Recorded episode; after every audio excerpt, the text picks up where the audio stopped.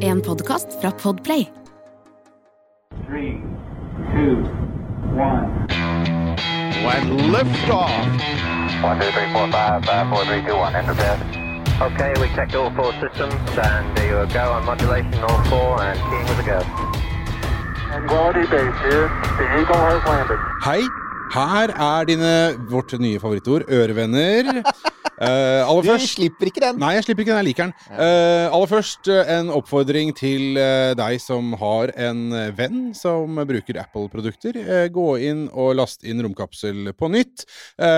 Bruk den nye linken. Ligger på Facebook-sidene våre, og også i bioen på Instagram, slik at alle som har hørt oss via Eple-produkter, igjen kan gjøre det, og ikke tro at deres deres favorittørevenner og eh, kompanjonger gjennom en hard og slitsom hverdag eh, ikke har sluttet å lage pustehullet. Ikke sant? Altså, jeg må jo si, det er jo, det er jo trist med at vi har hatt et teknisk problem. Men jeg føler at det nesten blir litt sånn personlig sår også, for det er så mange som Det er faktisk ganske mange som tror at vi bare sluttet. Og Ja. kjære dere, altså dette her Vi ghoster ikke. Vi ghoster ikke, altså. Den dagen, den dagen vi av en eller annen forferdelig grunn skulle finne ut at vi ikke lenger kan lage romkapsel, så, så bare rolig, dere vil få vite om Da det. altså. sier vi vi, skal- vi sier vi det, da tar vi pent farvel. Ja. Altså, vi er høflige. Vi er eh, to menn i vår beste alder, godt oppdratt. Det er eh, møblerte hjem, og kanskje til og med noen bøker i bokhyllene. Og noen med mer klassisk dannelse enn andre. Absolutt. Ja. Helt klart. Husk på at uh, Vyrde Eirik Newth er britisk statsborger, så der er overleppa relativt stiv, og, og kragen og mansjettene er aldri Aldri, eh, aldri, krøllet. lang, aldri langt unna. Nå har jeg endelig også fått oppholdskortet mitt, så nå er jeg til og med lovlig Ja. i landet. Jeg er ikke illegal du, alien. altså, Selv om det hadde vært kult, deilig. Da, for denne podkasten å være illegal alien, da. Ja, Det men det var veldig godt å høre at du ikke lenger trenger å liksom ikke, Står i fare for et opphold på Trandum eller noe. Ja, ja, de kommer stormende inn døra her, ja. ja. Nei. Eh, nei, men altså, du, vi må snakke om en, en eh, vi, vi, Altså, jeg la jo ut en video i Facebook, eh, på Facebook-sida vår uh, forleden dag. Eh, av et, en utrolig kul hendelse. Det er bare noen sekunder, men, men altså for meg Jeg så det, og så tenkte jeg dette kunne liksom vært tatt ut av åpningen på en Mission Impossible-film. Altså, Ja. Det er nesten så du ser etter Tom Cruise i scenen. Det er sånn dun, dun, dun, dun, dun, og så videre, ikke sant? Ja, uh, det, det er Nå fikk vi litt sånn nynn og sang fra, fra Eirik her En sjelden gang. gang. Ja, ja, ja. Jeg, skal, Jeg må vise jeg kan talent, jeg ta, ta noen strofer litt senere hvis det er ønskelig. Uh, ring inn og trykk på mentometerknappene hvis det er ønskelig. Ja, uh, det er jo Altså, man kommer jo på det ene sinnrike systemet etter det andre. I dette tilfellet så var det Rocket Labs og helikopter som skulle da kaste lasso, nærmest, etter et, eh, en rakett, et rakettrinn eh, som dalte ned i en fallskjerm. Jeg sliter med å, å liksom skjønne helt hvordan man gjør det der. Så hiver man en krok litt sånn på måfå og håper at man klarer å treffe horna på tyren. Liksom. Ikke sant? Altså, de må jo For det første så må de ha veldig god sånn posisjonering. Men, men i dette tilfellet, hvis, hvis det er klarvær, så kan man jo se det. Og det ser jo faktisk ut på videoen som om de kan, de kan se uh, De kan se raketten. Ser en vaier der som henger Ja, og ser og, og det er et system uh, Slik jeg har forstått den tegningen de la ut, da, uh, så, som jeg vel også delte, tror jeg, eh, så er det sånn at du har to fallskjermer. Du har den første, som er liksom den som drar ut hovedfallskjermen. Ja. Eh, og så er det en wire ned til hovedfallskjermen, og så er det eh, holder jo hovedfallskjermen i selve trinnet. Og da er den vaieren mellom den øverste eh, og den eh, øverste fallskjermen og hovedfallskjermen Det ser ut som det er den de hekter seg fast Ah. med en krokemekanisme, som du sier. Uh, utvilsomt litt kult. De bruker hva er det, Sikorsky S92, uten at jeg vet hva det er. Men det har løftekraft nok til å, å altså holde et trinn som da veier ca. et tonn. Trinnet er jo tomt for brennstoff. Det er jo en av forskjellene på det SpaceX gjør når de lander Falcon 9. Så har jo de masse brennstoff i trinnet. De har jo faktisk nok til at til og med trinnet kan eksplodere hvis det krasjer litt hardt. Mens dette trinnet er helt tomt. Så det er ikke noe brennstoff der. Det er ikke noe landingsbein. Det er rett og slett bare det, er rett og slett bare det normale trinnet, men med noen fallskjermer på toppen og denne vaieren. Så ja eh, Men da, da er det jo sånn at i helikopterverden, hvis du skal ha et helikopter som kan løfte et tonn, så er vi på da et ganske stort helikopter. Ja, det er et helt Um, stort helikopter, og dette er jo langt ute til sjøs. For Ja. at de skyter ut mot havet, som, eh, som alle mot som Stort sett alle unntatt kineserne gjør. så de er langt til sjøs. Det det er også et skip ikke så langt unna. Og planen var jo da eh, å hekte fast eh, dette trinnet i vaieren, og så skulle da eh, dette trinnet henge under i vaier under helikopteret og, og rett og slett fraktes bort til skipet, og så senkes forsiktig ned på dekk, og der skulle det da tas imot. Og så var tanken at det skulle gjenbrukes. Så var det jo, så, så sa jo faktisk Peter Beck, da sjefen i, i Rocket Lab, han sa jo på forhånd at vi er fullstendig klar over for at altså, Går du på romtwitter, så er det en million helikoptereksperter. Også vi har noen helikoptereksperter som har påpekt at eh, men, men hva med svingninger? Hva skjer? Altså ja, den kan kanskje tåle vekten, men hva skjer hvis dette den begynner begynner å dingle? ikke sant? Eh, Hva skjer med vind? Hva skjer med Og, og, og, og, og da er prosedyren da til Rocket Lab er at hvis, hvis pilotene er det aller minste i tvil om sikkerheten her, og de opplever at det er noen ubehagelige eller farlige svingninger, så har de ordre om å bare droppe det i sjøen. Da vil det fa falle ned til sjøen, fortsatt under fallskjerm. Da folder den seg ut igjen. Lander i sjøen, myklander, og så kan de plukke opp uh, trinnet etterpå. Ja, ville ikke det være enklere? Å bare la det dumpe i sjøen som en Apollo-kapsel, altså, altså Ja. og, og fiske det opp derfra etterpå? Istedenfor denne herre Ja, det er spektakulært og fascinerende å se på, artig tenkt og alt det der, men det virker jo unødvendig komplisert, da. Her er saken. Og, og dette er jo altså dere, Du har allerede sagt det. Jeg er et stiff upperlift-brite fra møblert hjem med mye bokhyller. Ja. Jeg har ikke veldig god peiling på båtmotorer, men det jeg har hørt, Ja. det er at du har ikke lyst til å ha saltvann i motorer på havet. Altså saltvann Mm. herper til alt. Ja. Saltvann fører til korrosjon. Du vil ikke ha saltvann i motorer. Dette lærte jo amerikanerne under romferjeprogrammet. For at romferje hadde jo disse boosterne, ikke sant? disse faststoffboosterne. Som, og, og planen var jo i hvert fall å gjenbruke det. Altså selve den store brennstofftanken, den dumpet de. Den, den kunne de ikke redde. Men de ville redde så mye som mulig, så romferja ble gjenbrukt, og boosterne. Så du ser de lander i fallskjerm, og de dykker ned i sjøen. eh, og så flyter de. Det er, det er såpass mye luft i dem at de flyter. Så haler man dem inn til land, og de var jo enorme, så du hadde jo egne slepebåter. Du hadde vel to slepebåter som sleper dem inn til land. Det man oppdaget, da, var det selskapet, Morten Tiokol, som, som, som bygde boosterne, og som dessuten eh, skulle fikse dem etterpå. De oppdaget at selv en faststoffmotor, og den er ekstremt enkel, det er bare et rør med masse krutt eller brennstoff i, Ja. selv den fikk så store skader av saltvannet at de etter hvert kom til at det var ikke bryet verdt. Ah, Så det man sier er at, at eh, Altså, det Rocket Lab sier, er at de har tenkt til å se på motorene. Eh, For det er særlig motorene som er problemet. eh, Og er det kommet mye saltvann langt inn i liksom inn, Ikke bare det blir vanskelig å rense ut, da. Vanskelig å Ja, vaske. sant? Altså for, for eksempel så har du Alle rakettmotorer har for eksempel en turbopumpe som spinner med noe sånt noe som 15 000 omdreininger i minuttet. Altså det er, det er superhøy hastighet, og det er for å ha brennstoff med høyt trykk. Hvis det kommer saltvann inn i en liten turbopumpe som skal spinne altså, Ja, ja, ja, ja. Tur turboer er jo Der har du jo null margin, ikke sant? Null margin! Og det er det det så, så, så hvis ikke saltvannet kommer for langt inn, så er det håp om det. Men uansett, sier de, så vil de ha dette trinnet for å, å se åssen det f.eks. tålte å komme ned gjennom atmosfæren. For i likhet med Falcon 9 så blir det veldig varmt på vei ned. Det faller jo fra 100 km høyde. og er jo i hypersonisk fart. Det er, jeg tror du når en maksfart på noen sånn 7000-8000 km i timen. Da blir det glødende varmt. Så, så det er mange ting å se på her. Ja. Uh, men, men ja, for at du raskt skal kunne gjenbruke det uten å behøve å liksom åpne hele motoren, så må du la, Ja, Hold deg unna saltvann. Du må lande, du må holde deg unna saltvann. Så det optimale er at de skal forsøke å redde så mange trinn som mulig. I praksis så vil de antagelig måtte dumpe en del.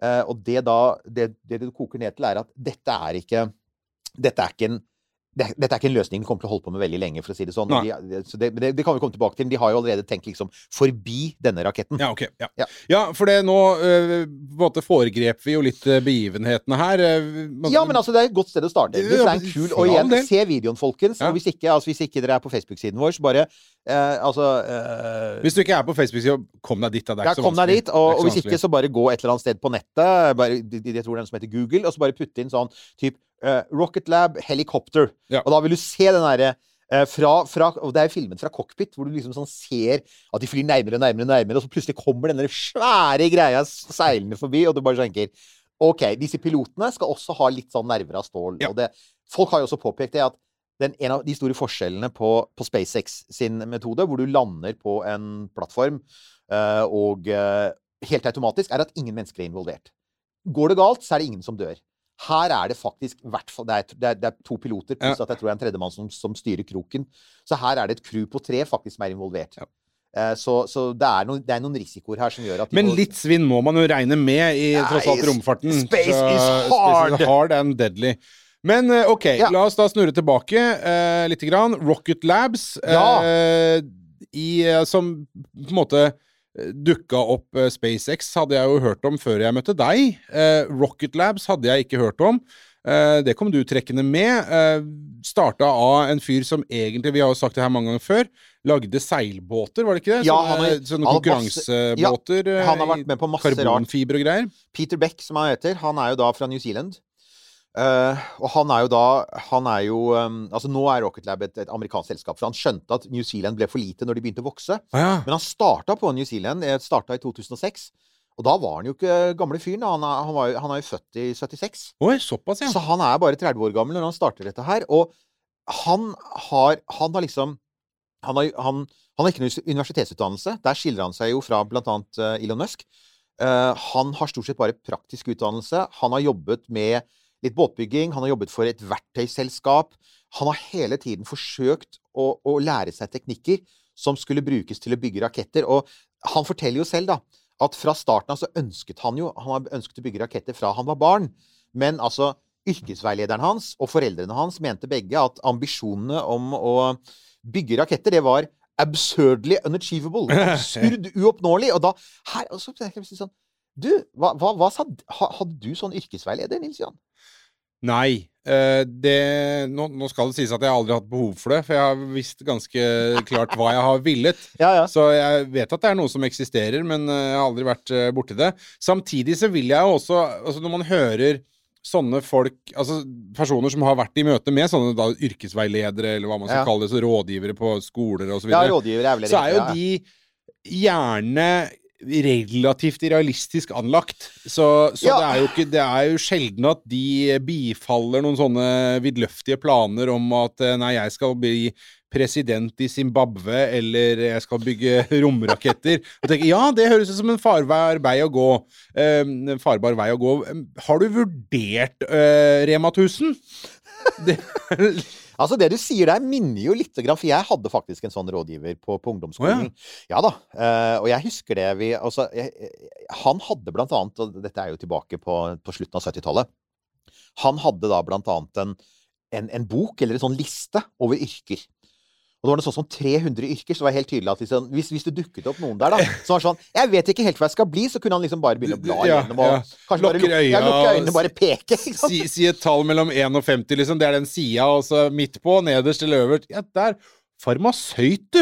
Her er greia. Ja. Jeg kommer jo inn der. Ja. Og så sier jeg jo selvfølgelig eh, A-ordet, ikke astronaut, men en astronom. ja. Eh, tror du det sto astronom i den boka? Nei, jeg Neppe. tror ikke det var der. Nei, nei, ganske riktig. Og han var, han var litt satt ut, for det hadde han jo aldri i sin karriere opplevd at noen sa. Nei, selvfølgelig ikke. Så, eh, Hørte så oftere brannmann og politi og sånn, Du gjorde det, altså. Så han var liksom sånn uh, han, han sa ikke 'absurdly unachievable', han bare sa 'da må du være veldig flink i matte'. Så, uh, Og det ville han for så vidt ha rett i, da. Men, uh, men, men ja. Men yrkesveilederen, eller rådgiveren, da, til, til godeste Peter, han var en av disse voksne som slike folk som han veldig ofte møter, som sier 'dette får du ikke til'. Ja. Eh, get a haircut and a real job. Og når det gjelder Peter Beck, så gjelder det, for han har sånn veldig stort, krøllete hår. Ja. Så han er, ja, han, nå ser jeg bilder av han, så jeg mistenker at han helt klart har fått høre det sånn 'get a haircut and a real job'. Ja. Men han gjorde jo ikke det. Nei.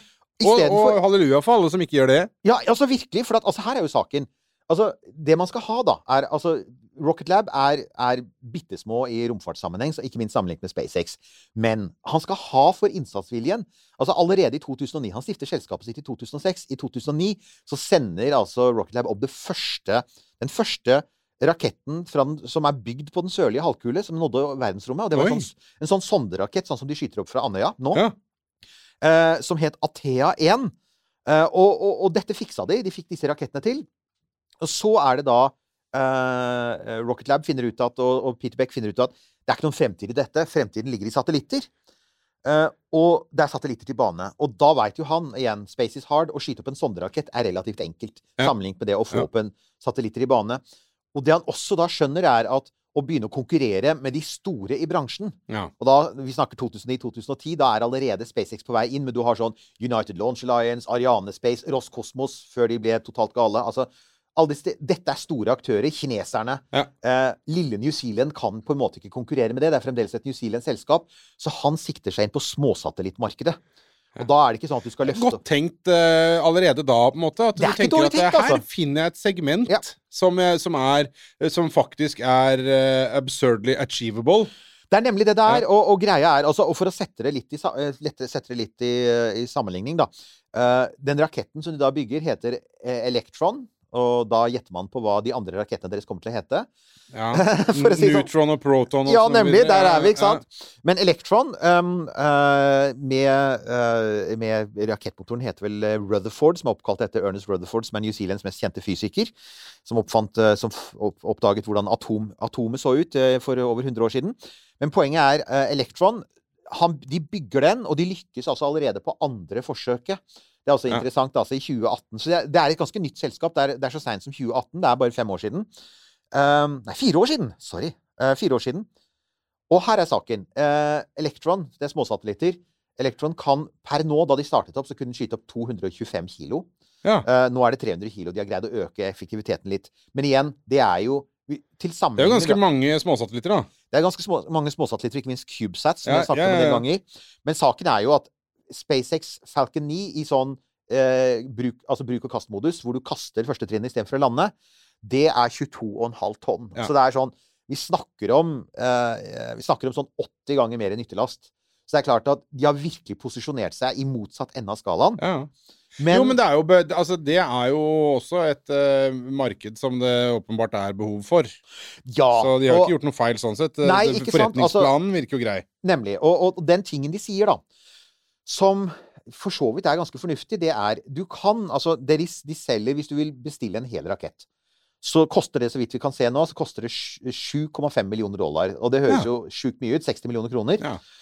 Det er billig i romsammenheng. Ja. Eh, hvis du vil ha en hel Falcon 9, så er du selvfølgelig oppe på sånn 60-70 millioner dollar nå. Det er vel 65 millioner dollar etter prisøkningen. Og, og snakker vi Altså, nå er ULA og Arianespace selger jo ikke plass engang. Så hvis du vil ha på satellitt nå, så og, det er, skal du ha på en satellitt der, så koster det omtrentlig et eh, Altså nasjonalbudsjettet til et lite land. Det er akkurat det, ikke sant? Ja, for du skal betale for eh, kost Ja, pluss-kontrakten. Det er akkurat det, ikke sant? Så der, der, så der er vi. med- Det er, er ikke aktuelt engang. Så, så det er ganske smart. Og i tillegg så Og da har du selvfølgelig, hvis du vil ha en, satellitt i, en, en liten satellitt i din egen bane, så kan du bli med på en såkalt rideshare med, med SpaceX. Men da må du ofte vente, og du må dessuten ta den banen som SpaceX bestemmer for deg. Men det de selger det inn på, er at de sier Men vet du hva, hvis du har en satellitt på under 300 kilo, så, så kan vi sende opp for deg, og til veldig lav kostnad i romsammenheng, og i den banen du ønsker deg. Ikke sant? De skyter opp fra uh, De har en base på nordspissen av New Zealand. Hvilket vil si, og alle som kjenner litt geografi, vet at New Zealand ligger innmari isolert til. De er, altså, I motsetning til for, europeiske oppskytere, Ja. så kan de skyte mot øst uten å utløse tredje verdenskrig. De kan skyte, de har hele Stillehavet. De kan skyte i hvilken retning de vil. De kan Ja. skyte mot nord eh, og, og lage sånne eh, sånn polarbaner. og Sånn, sånn, så det de spesialiserer seg på, er å da sende opp i sånne, så det de kaller for solsynkrone baner. Hvor banen går over Nordpolen på en sånn måte at satellitten alltid er over samme sted på jorda på samme tidspunkt. Sånn at Ja. du alltid har de samme lysforholdene. Det er veldig, veldig praktisk. Men du, bare sånn at vi snakker om det nå, eh, når du Mm. sier polare baner Og dette her har vi jo vært innom tidligere. Hvis vi sammenligner da det, det disse gjør i Rocket Labs Mm. med det som er planlagt sjef fra Andøya, her er, vi, er det da en reell konkurrent som kan eh, levere til eh, det samme? Uten tvil. Eh, det er, altså dette her, det, det som skal skje på Andøya, er, og de selskapene som skal bygge rakettene som skal skyte opp, og det er jo Det er Rock, det, det, um, Rocket Factory Rocket Augsburg Factory og Augsburg, ja, ja, ISAR. Aerospace, er det vel? Ja. De har jo ennå ikke skutt opp, men de er i samme kategorien. Altså Ja. de er i noen hundre kilos-kategorien eh, for å skyte opp. Er Som leverer til de samme banene. som leverer til samme type bane, og i praksis er det nesten bare polarbane og solsynkronbane som, som Andøya kan levere pga. Russland. Uh, men, uh, men ja, det er ingen tvil om at Og det har jo hele tiden vært en sånn ting man må ha i bakhodet, er at Rocket Lab er allerede i markedet, uh, og de er, de er gode. Altså, de er jo det, for de er også sånn totalleverandører. De kan levere eh, Altså, de har oppskytingsplattformen, de har raketten, eh, og de har sånn integrasjonssystemene, og de kan til og med bygge satellitten for deg. Altså, de gjør jo det meste. Eh, og de er spesialister på dette her med sånn Igjen, rideshare. De har skutt opp er det opptil 30 sånne små cubesats. Og igjen, folkens, det er satellitter som er sånn Er det 10 ganger 10 ganger 10 cm? Sånn standardstørrelse. Ti ganger et eller annet. Ti, ikke sant? Altså, det, er, en- det er en liten kube, og den, er, den er liksom sånn Fyller den med vann, så er En melkekartong. Det er som en liten, nemlig som en melkekartong. Og, og hvis du er med på en sånn så kan du jo komme ned i sånn 100 000, 200 000 dollar per satellitt. Og da blir det plutselig sånn oppnåelig for Igjen, da er det ikke lenger absurdly unachievable for et universitet, eller faktisk til og med privatpersoner, entusiastgrupper, småbedrifter, selfie-sat-type, ikke sant? Så Ikke sant? Kule ja. prosjekter som du kanskje ikke har er, liksom, er verdensforandrende, men du har lyst til å teste ut et konsept. Det er det de kan levere. Og det er jo, det er jo ikke noen liten ting, det, da. Nei, er du gæren? Og igjen, da, det er å finne det markedet. Eh, småmarkedet. Og, men da begynner jeg plutselig nå å tenke på det som vel dukka opp Det er ikke så fryktelig lenge siden, da. Eh, for det vi tenkte jo at ja, Rocket Labs er der. Det de er, er en eh, Hvis vi skal liksom bruke noen sånne hjemlige forhold, så er det at de er en, en tydelig konkurrent til det som skal skje på, på Andøya, mm. og, og launchbasen eh, som støpes eh, der. Eh, Men så, plutselig, så skjønner jo Peter Beck at eh, Søren, jeg har fått til det greiene her, det funker det. Skulle vi ikke eh, go big? Ikke sant? Og det, var er litt jo- sånn Ja, hadde ikke han akkurat sagt at de skulle holde seg i det der lille markedet? eh, Det mellom, Ja, han, mellomsjiktet? han, han har jo det. Uh, og det markedet har jo for så vidt behandlet selskapet relativt godt. De har en ganske god markedsandel der. Eh, og denne Elektron-raketten er jo altså, det, den er jo teknisk sett, må jeg bare si, det er jo en teknisk sett ganske kul rakett. Den er jo, den er jo mye mindre enn en Falcon 9. Den er eh, 1,2 meter i diameter, så det vil si at du kan jo ikke akkurat legge armene rundt den. Det er ikke så langt unna. Uh, hvis du har veldig lange armer. Nei, altså, men du kan strekke ut armene, og da, du liksom, da har du raketten. Um, men den er altså da um, Den er jo bygd av karbonfiber, og det knytter litt tilbake til den tradisjonen du hadde på New Zealand med å bygge eh, sånne konkurranseyachter i karbonfiber.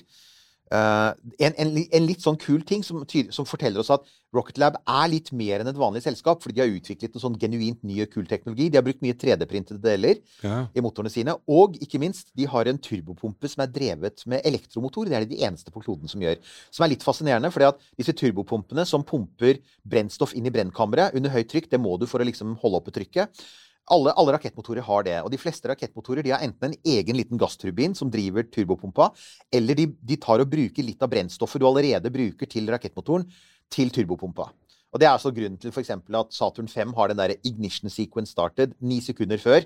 Så, så sier de ignition sequence started. En av de tingene de da gjør, er at de starter turbopumpa. Ja. Sammen på romferja. Du kan, du kan ikke høre at de fyrer opp rom, eh, turbopumpa, men det er det som skjer. Og så begynner den å pumpe inn eh, brennstoff med, med høyt med, med, med veldig høyt trykk. Men, men det de altså da gjør i Rocket Lab, er at de bruker elektromotor og batterier. Og de har altså faktisk batteribytte under oppskyting, og de dropper batterier fra raketten under oppskyting. Og så sier man ja, men hvorfor det? Altså sier de nummer én, eh, elektromotorer er veldig pålitelige. Eh, og nummer to, når det gjelder akkurat raketter, så gir det litt mening fordi at altså du skal jo bare, den skal bare brenne i to minutter. Så hvis du har et høykapasitetsbatteri som kun skal bare funke én gang i to minutter Ja. Fordi det, det, Her er det ikke snakk om gjenbruk av batteriene, for å si det sånn. Ja, så, så, så gir det faktisk mening. Så sier de jo da at eh, det, når de skal bygge, hvis de skal bygge en større rakett, så må de nok over på mer konvensjonell type rakettmotor og konvensjonell turbopumpe. Men, men ja, altså, det det egentlig antyder, er at dette selskapet de er ganske sånn framoverlent teknisk. De er ikke sånn hvilken som helst startup som skal bygge en liten rakett.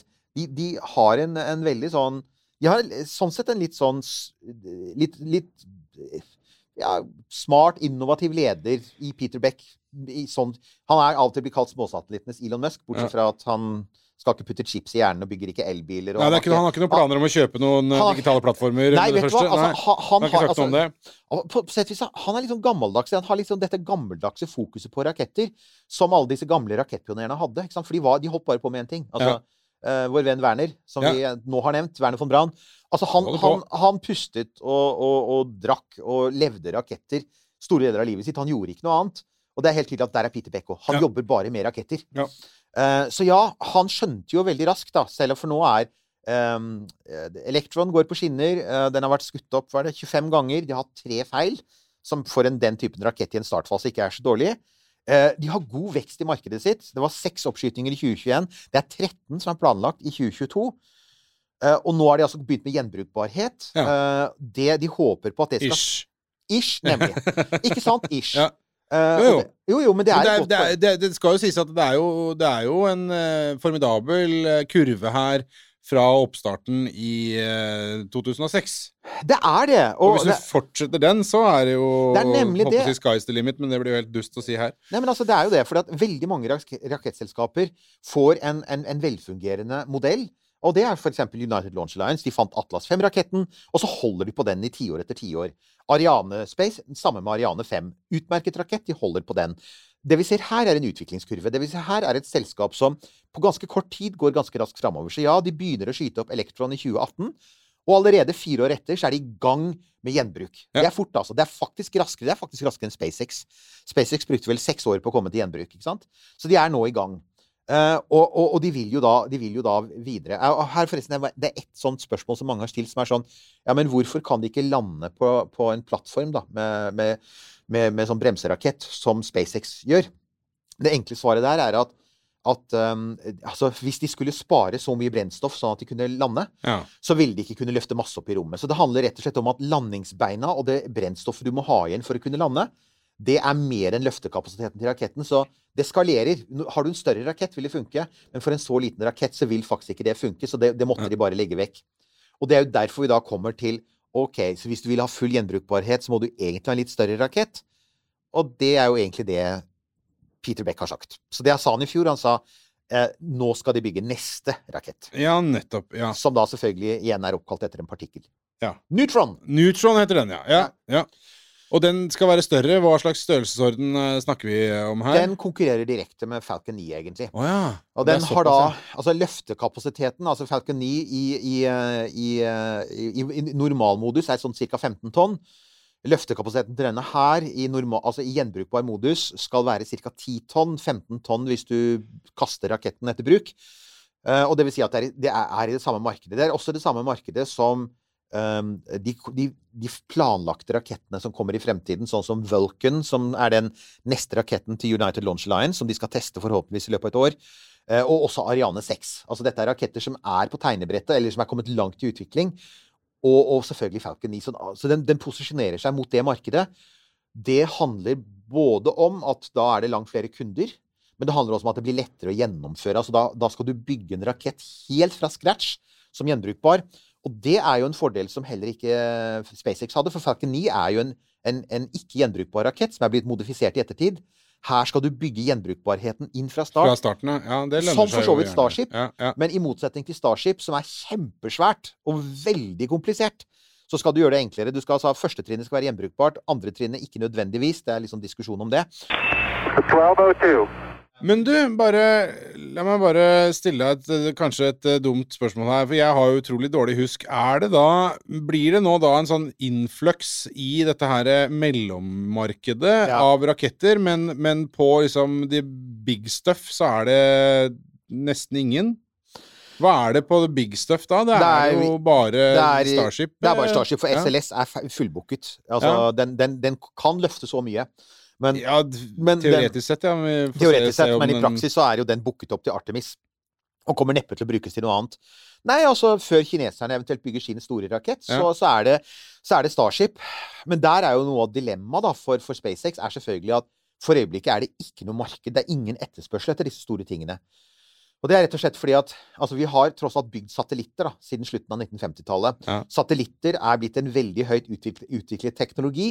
Du kan gjøre stort sett alt du ønsker med satellitter på mellom 350-300 kilo og, og 5-10 tonn. Ja. Uh, så, så det SpaceX sitt problem er at per nå finnes det ingen kommersielle kunder som sitter og sier 'Jeg har noe veldig viktig å gjøre i rommet som krever en satellitt på 100 tonn'. Ja, sant. Det fins ikke, ikke sant? Ja.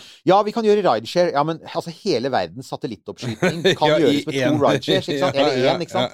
Så, så det gir heller ingen mening. Så, så jeg tror faktisk det Peter Beck sier her Og hvis han får til Neutron, som har en del sånne kule tekniske trekk ved seg Vi får se hva de ender opp med å gjøre, da. Men, men det de sier, er at de skal jo nettopp fordi de bygger den fra scratch, de skal bygge den i karbonfiber, eh, den skal være lett å gjenbruke, så, så tror de at de skal kunne konkurrere på pris.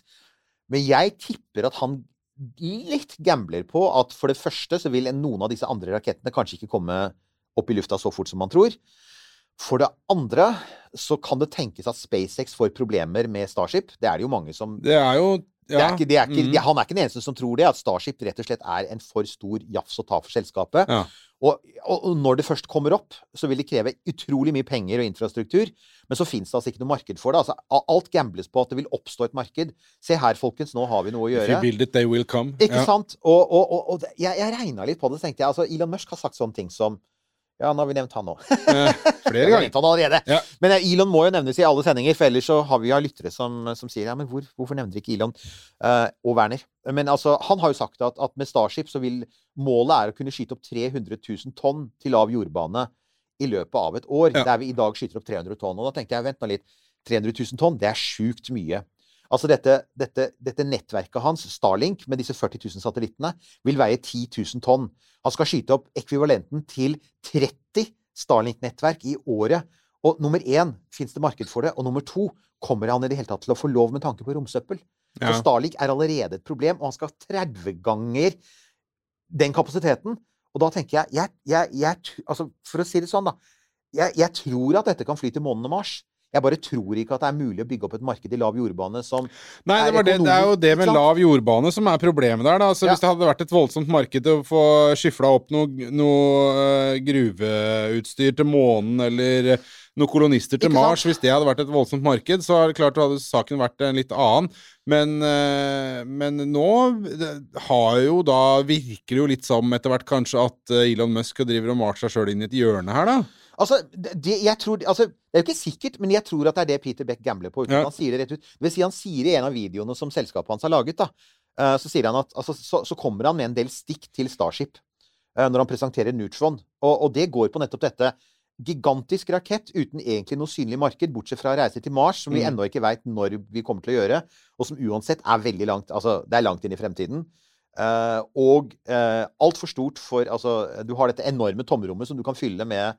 Og, og, og dette, skal, dette skal være utrolig billig. altså Starship skal jo være billigere enn én oppskytning med, med lille Electron nå, da. Altså ned mot sånn fem millioner dollar per oppskyting har vært nevnt. Og, og det han egentlig sier, er uh, I call your bluff. Jeg vil gjerne se deg gjøre det, Elon. Ja. Og det, det mange da lurer på i denne sånn satellittbransjen, det er selvfølgelig hva skjer med Falcon 9 i en sånn situasjon? Fordi Starship er en fundamentalt forskjellig teknologi. Det er en annen type rakettmotor. Det er en helt annen type drift.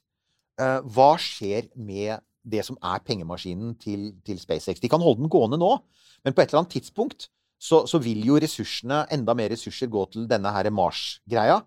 eh, Og driften av Starlink, og har faktisk SpaceX kapasitet til å, å fortsette å være en fullgod kommersiell leverandør av satellittjenester til lav jordbane. Og det er her jeg tror de eh, Det er det de gambler på. Og så er det en annen ting, selvfølgelig. Du, de har tenkt å man-rate Neutron. Dvs. Si de vil at folk skal kunne fly på den. Ja. Så de vil jo kunne sende opp folk med, med, i romkapsler. Og da er det romkapsler, eventuelt kanskje en liten romferie. Vi får nå se. Eh, men uansett, eh, det er så, så det høres ut på den ene siden så høres det ut som veldig sånn konvensjonelt sammenlignet med disse gigantiske drømmene til Elon Musk. På den andre siden, det høres veldig sånn Hvis du gradvis skal bygge opp en forretning, da, så høres det kanskje ut som et smart grep. Så vi får se. Ja, det, det, ja, det er litt sånn eh, Det er altså, god teknologisk tenking uten uh, de sånn store, vidløftige vyene om å bli the god emperor of et eller annet annet himmellegeme. Ja. Som, som ligger eh, til grunn her. Selvfølgelig med en eller annen entusiasme. Det må du jo på en måte starte. Det- det, det må, et, du et ha. må du starte. Ja. Men, men, men sånn sett, når det, når, det, når det legges fram på denne måten, så virker det jo mer eh, bærekraftig Ja, på altså, et vis. Ikke sant? Altså, nå vet jeg Og jo at realistisk. Det virker mer realistisk. Det er klart, det er, ikke, altså, det er jo uansett ikke fryktelig mye penger i satellittoppskytinger der vi er, er nå. Vi veit at eh, vi, vi- Man tror jo at, eh, at altså, no, altså For eksempel de satellittene som, som det, det SpaceX stort sett gjør, er å skyte opp sine egne satellitter. Det de stort sett gjør, er å skyte opp Starlink, som veldig mange påpeker. Eh, Hvis du trekker fra Starlink-oppskytninger, så er ikke SpaceX lenger en superstor leverandør av satellittjenester. Eh, De har en del sånn nasjonal sikkerhetsoppskytninger og litt NASA og sånn, men, men der er, da blir de mye mer normale. Um, så satellittmarkedet er uansett per nå ikke kjempestort. Og det er klart, det er det alle håper på, er at liksom Starship skal forandre det, og du skal få industrialisert eh, verdensrommet. Men igjen, mange er skeptiske, og jeg er en av dem. Jeg er litt skeptisk om det faktisk går. Eh, Det, det er jo én ting til da, som er litt morsomt, med sånn, med, som, som Rocket Lab gjør, og det er de, er jo, de leverer jo ikke bare satellitter. De har jo da denne herre de har en liten romsonde, eller en, sånn der, en liten sånn uh, slepebåt slash romsonde, som selvfølgelig er en partikkelgreie. Den heter Foton.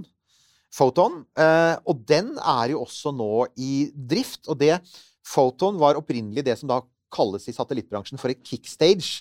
Det tror jeg ordet har vi aldri nevnt i sendinga før, så vi får bare si et kickstage er liksom det siste lille trinnet du har under en satellitt. Du er oppe i rommet, og så skal du gi satellitten det siste kicket opp f.eks. i geostasjonær bane eller i en ønsket bane. Så fotoen har vært det. Det har vært det siste trinnet som, som hvis du vil ha opp en satellitt, som, som Rocket Lab kan tilby deg. Men så har de da tenkt OK, men kan vi ta dette, dette systemet som allerede har sin egen rakettmotor og sine egne styringssystemer, kan vi rett og slett Det, det kan allerede fly ut av jordbane. Kan vi bruke det som en selvstendig satellitt? Og det har de da utviklet til Foton. Og så har de da eh, eh, og, og så har de prata litt rundt det. Men så har de også inngått et samarbeid med NASA. Og så har de også gått til den veldig store pengesekken som heter NASAs måneprogram. Ja. Vi har snakket om dette før, ikke sant? Om alt som skal skje på månen. Ikke bare Artemis, men alle Sånn som vi hadde for noen uker siden, disse sendingene om månepro... Altså disse rare måneprosjektene. Sånn smelteverk på månen, og, og, og rovere, og cube rovers og sånne ting. Eh, Vel, altså eh, Rocket Lab har nå også slengt seg på det. Og faktisk, hvis alt går etter planen, så vil før denne sendinga slippes, så vil faktisk enda en Electron ha gått opp i rommet. For var det, det var altså for et par dager siden, 3. mai, at denne saken ble fanget opp med helikopter. Eh, planen er 5., 6., 7. mai eller der omkring 2022. Så skal det skytes opp enda en elektron, som da skal ta en foton-sonde, som også er bygd av Rocket Lab, i bane rundt månen på oppdrag av NASA. Ah, Uh, og det, den skal gjøre, det, denne, dette prosjektet kalles for Capstone, med all caps, sånn ha-ha. Men det heter Capstone. Og her er saken.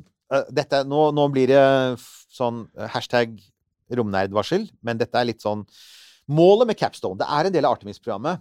Uh, målet med Capstone er å verifisere den banen som romstasjonen Gateway, som vi også har snakket om, skal ha rundt månen.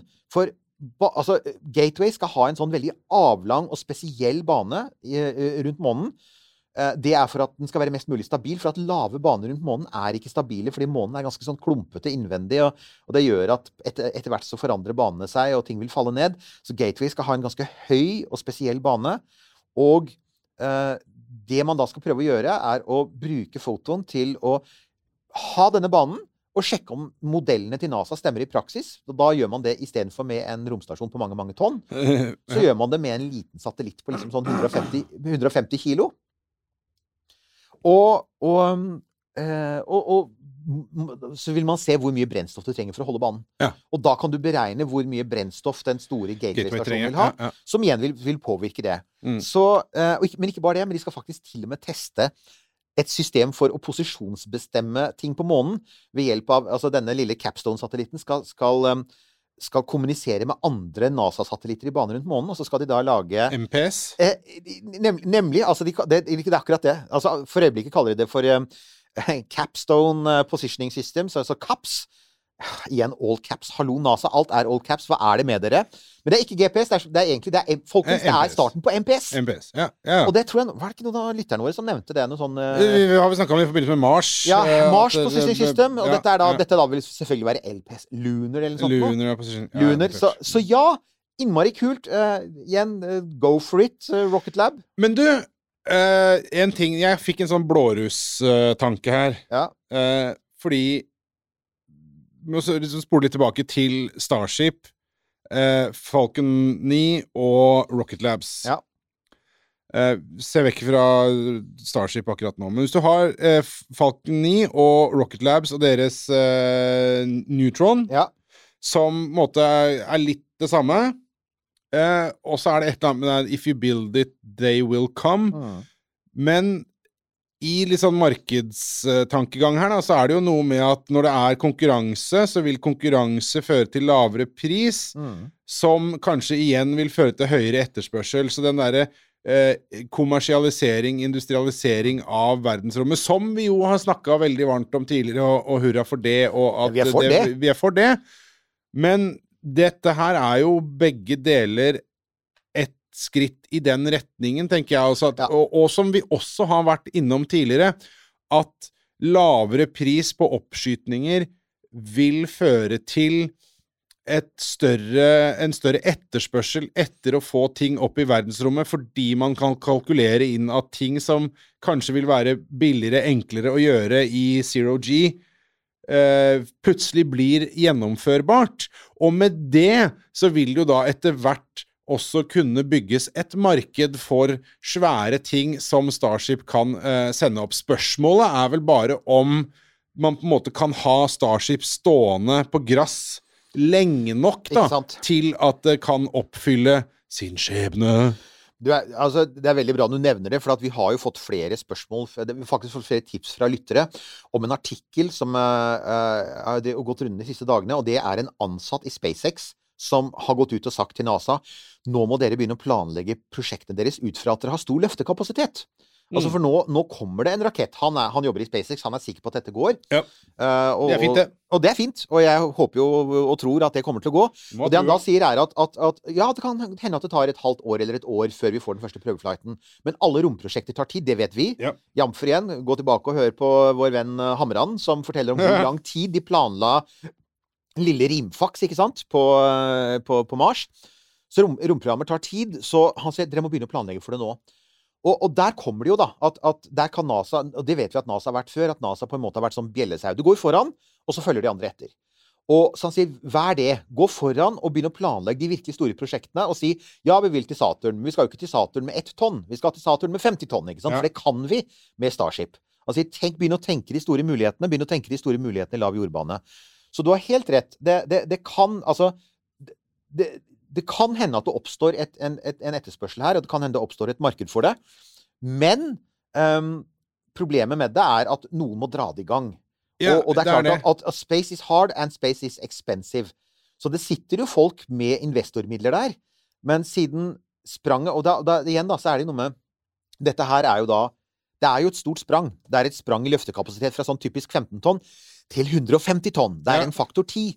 Og det er her jeg da alltid minner om dette, folkens, er ikke det som heter et kvantesprang, for et kvantesprang er Det er veldig veldig, lite. veldig lite, det. Det er veldig lite og tilfeldig, mens Ja. dette her er et planlagt kjempesprang. Dette er faktisk giant leap. Ja. Og, det er der, og det er det denne SpaceX-ansatte da påpeker. De sier at dere må nå begynne å, å tenke annerledes, og tenke å ta spranget fra 15 til 150 tonn. Ja. Og, og begynne å tenke på hva kan dere gjøre innenfor de rammene. Tenk hvor mye dere kan gjøre da. Ja. Hvor store romteleskoper dere kan bygge, og, og sonder. Og, Jo, når, når, når det er der, Ja, da kan det tenkes, sier han, at, at da følger markedet det er akkurat det. For at når du vet at dette her fungerer og er, er eh, reliable, så kan man jo da begynne å planlegge Ikke sant? at det er- Se NASA gjøre det. Det er et Ja. viktig poeng. Altså. Ikke sant? Eh, jeg, bare sånn eh, For moro skyld så, så undersøkte jeg Jeg bare sjekket, ut, for det hadde jo ikke jeg i huet. Det har helt sikkert du. Hvor mye veier eh, ISS? Åh, hva er det for noe? Rundt 400, da? 450 tonn, ja. 450 tonn. ja så det, altså, hvilket da vil si at tre Starship-oppskytninger, så Ja. har du uh, ISS. Helt riktig. Og det er jo akkurat det, det var det mange påpekte, at det var noe av det vi mista med, med, med Saturn 5. Ja. At vi aldri videreførte Saturn 5, var at den hadde jo samme løftekapasiteten. Så den kunne jo også ha skutt opp hele ISS i løpet av tre-fire ferder. Ja, ja. Du har helt rett, og det er jo sånne ting man kan gjøre da. Ja, man, så man kan bygge en stor fabrikk i lav jordbane. Man kan bygge de solcellefarmene som vi har snakket om, disse, disse orbital eh, solar farms. Jeg husker ikke hvilket nummer i rekka det er, men vi, folkens, vi har snakket om det. Eh, det er masse ting du kan gjøre. Og selvfølgelig, altså det finnes jo militære som gnir seg i hendene og tenker på alt det utrolig spennende du kan gjøre. Flotte Eh, poster så- du kan, og baser du kan lage der. Så, så, så det, det faktum at NASA Og det er et, et vesentlig poeng, da. Det faktum at ikke NASA eller noen andre kommersielle aktører i rombransjen i det hele tatt har begynt å planlegge for Som store vi vet om, da. Som, som vi vet om. Det kan hende at de jobber på bakrommet. Men, men NASA men, for å si det sånn, NASA vil du visst om. For hvis NASA skal begynne å planlegge et 150 tonns prosjekt i lav jordbane, Ja. så veit du om det. At NASA ikke engang har begynt å tenke på det. NASA har faktisk ikke engang begynt å planlegge for hvor mye masse de kan frakte til månen med Lunar Starship. Istedenfor har de bedt om, at, bedt om penger til et alternativ til Lunar Starship. Forteller meg at tilliten til at dette faktisk kommer til å skje, fremdeles ikke er veldig høy. Ja. Markedet, altså, så ja, vi som er eh, romnerder, vi håper og tror det vil skje. Men markedet som er der ute, og de analytikerne som er der ute, og de planleggerne som er der ute, og investorene, eh, de er fremdeles sitter på gjerdet. Vi vil gjerne se dette her, denne kolossen ta av uten å eksplodere. Vi vil gjerne at du skal være gjennom den der Rudd-fasen hvor tre-fire av dem smeller spektakulært, og faktisk begynner å gå i rute, eh, for at de skal tro på det. Så, Ja, og det, og, og det skjønner jeg jo. Ja. Eh, det er jo bare fornuftig, det å vite Det ville jo være dust hvis man begynte å, bygge noe som eh, man tenkte at dette skal Starship ta opp, og så rudder eh, x antall Starship, og så går SpaceX konk. Og så så, blir det ikke noe av. Og, det handler litt, det handler litt om Det er jo noe av det vi nå er i ferd med å se, i forbindelse med liksom alt striden rundt oppkjøp av Twitter. Og han er blitt, altså Musk er blitt en ganske kontro, kontroversiell politisk person.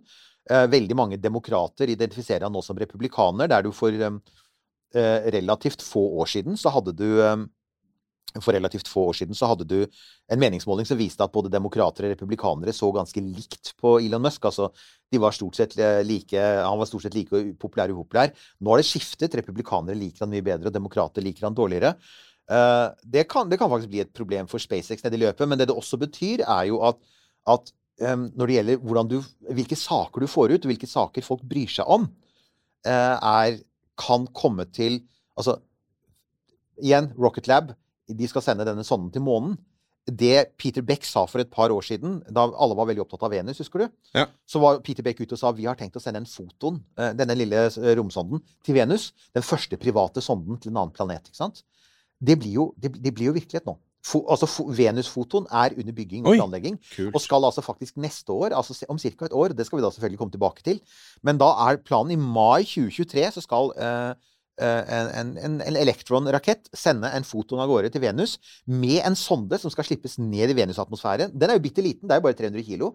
Eh, og da skal det være en sonde på noen få kilo, og den skal da sende signalene tilbake til fotonen, som da går forbi Venus, og sende de signalene tilbake til jorda for å se på disse her stoffene, fosfinene på Ja, Venus. ja, prompekassen. Må, rett og slett, nemlig ja. sant, prompegassen. Og for å se om den faktisk fins, eller Ja. om det var en signalfeil. som mange Ah, forskere ja, tror nå. Dette er jo kjempekult. Men det, det, poenget mitt er at altså, det jeg håper, da, er jo at vi om ett år er der. At, vi, at, at ikke den beste, spennende private romnyheten er eh, er fotoen til Venus, men at vi da f.eks. også har gjennomført vellykkede eh, Starship-tester. Hvis ikke, så kan jeg si at da har altså SpaceX et problem, for de har vært totalt ledende på dette med å ha de kule romnyhetene. Ja. Vi gjør alt det kule i rommet, og plutselig så har du den der eh, lille musa som brølte, ikke sant? Den lille upstarten, underdoggen, som kommer og sier ja, ja, han har den digre raketten som bare smeller, men vi sender sonder til Venus. Ja. Og det er ikke uviktig hvis du skal ha investorer, og ikke minst hvis du skal ha NASA med på Nei, laget. selvfølgelig. Det kan forandre fokus. Det kan faktisk bli litt sånn game changer hvor mye penger de kan få fra Show don't tell, show don't tell. Og dette pleide Elon, Ja. hallo, vi vil ha deg tilbake som rakettkonstruktør. Kan du, kan du snart være tilbake på jobb, for nå er du altfor opptatt av å krangle på nettet. Ta deg en kald dusj! Ta, ta deg en kald dusj, ro deg ned, snakk med litt voksne, og, og kom tilbake i gamet. For altså, dette står ikke stille. Det har vært veldig stille, og han har bare konkurrert med liksom gamlegutta i Boeing og McDonald Douglas. Men her er det, nå er det oppstarter der. Og jeg, jeg syns jo det er kult, jeg, da. Selvfølgelig, og, det, og hvis du på en måte skal eh, se bort ifra hva som eh, funker med en gang og ikke funker med en gang, og hvilke planer de forskjellige har, så, så er det jo eh, bare gøy å se. Og igjen, som vi har sagt til det kjedsommelige nesten her, at dette er jo bare the dawning of the age of, uh, of startups in space. Altså, det, det kommer, og, og det er ikke lenger forbeholdt uh, de eh, statlig finansierte herrene med, med sånne pocket protectors osv. Definitivt ikke. Og det er kult. Da, men jeg tenker at da, det skal bli spennende å følge med på hva faktisk, hva Rocket Lab gjør. Vi håper jo at, blir, at vi kan lage flere sendinger om dem. For de er i gang med noe veldig kult. Og de har helt klart en så, så veldig fremsynt leder. Eh, så vi får bare se hva som skjer. Og, og hva, hvordan går det med denne fotoen til månen? Hvordan går det med den til Venus? Det får vi se. Og ikke minst, kommer man til i løpet av de neste månedene å lykkes med et sånt igjen totalt Tom Cruise-stunt. Hvis du nå har lyst til å synge tittelmelodien til Mission Impossible, så skal du få lov til det. Den husker jeg ikke. Nemlig.